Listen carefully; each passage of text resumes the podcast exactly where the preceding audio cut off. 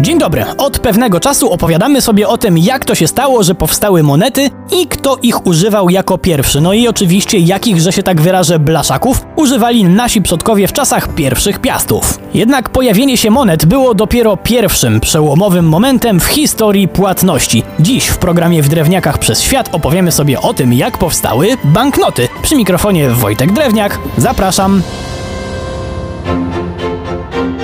Przede wszystkim musimy sobie zdać sprawę, że banknoty w porównaniu do monet mają dość krótką historię. Jak ktoś nie słuchał poprzednich epizodów, to ja może przypomnę, że Chińczycy używali monet już na początku pierwszego tysiąclecia przed naszą erą, a najstarsza moneta z okolic nam bliższych pochodzi z wieku VII, też przed naszą erą i wykopano ją w dzisiejszej Turcji.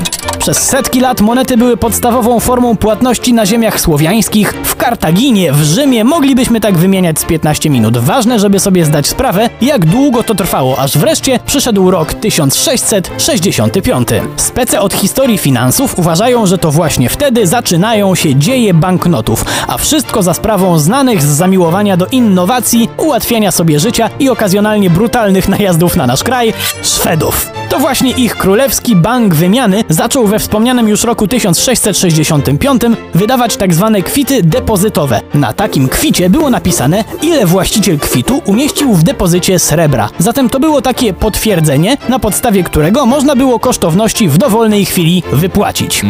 Ten patent szybko podłapali prywatni bankierzy w Anglii, przyjmowali pieniądze i wystawiali za nie kwitki zwane notami. Bank notami.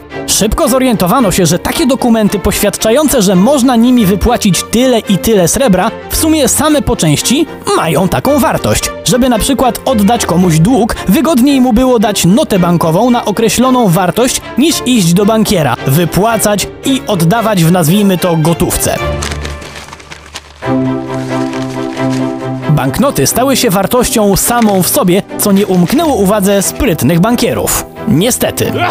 Bo szybko zorientowali się, że ludzie częściej używają banknotów niż faktycznie zdeponowanych pieniędzy, a nawet jakby ludzie zdecydowali się kasę wypłacić, to przecież na bank nie wszyscy zrobią to w tym samym momencie. W związku z czym banki postanowiły część zdeponowanych u siebie pieniędzy swoich klientów zainwestować, a zostawić tylko część gotówki na bieżące wypłaty.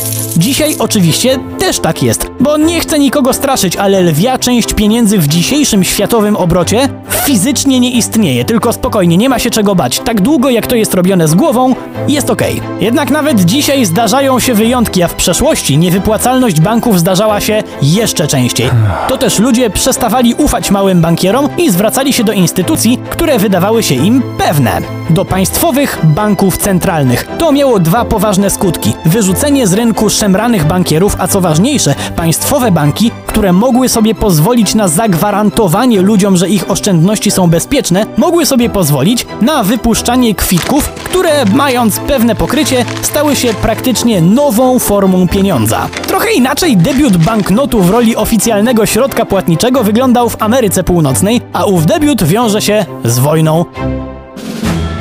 Bo jakoś już tak wyszło, że wojna i kasa lubią ze sobą koegzystować. Tak czy inaczej, w roku 1690 miało miejsce oblężenie francuskiej twierdzy Quebec. Niestety uparta twierdza nie chciała paść, a oblegający żołnierze, którym obiecano wypłatę w formie zdobytych łupów, zaczęli tracić motywację do dalszej walki. Wtedy postanowiono zmotywować ich papierowymi pieniędzmi, które po zdobyciu twierdzy będą mogli sobie wymienić na prawdziwe zdobyte monety. Podziałało? Jasne, generalnie od tej pory utarł się schemat, że papierowe pieniądze to spoko opcja tak długo jak gwarantem wypłacalności jest jakieś dobrze ustawione państwo. Chyba, że przychodzi nieoczekiwane załamanie gospodarcze, które potrafi postawić świat do góry nogami, ale o takich wydarzeniach, które jakby nie było też kreują nasz świat, choć najczęściej bardzo brutalnie, opowiemy sobie już innym razem. Przy mikrofonie był Wojtek Drewniak, do usłyszenia.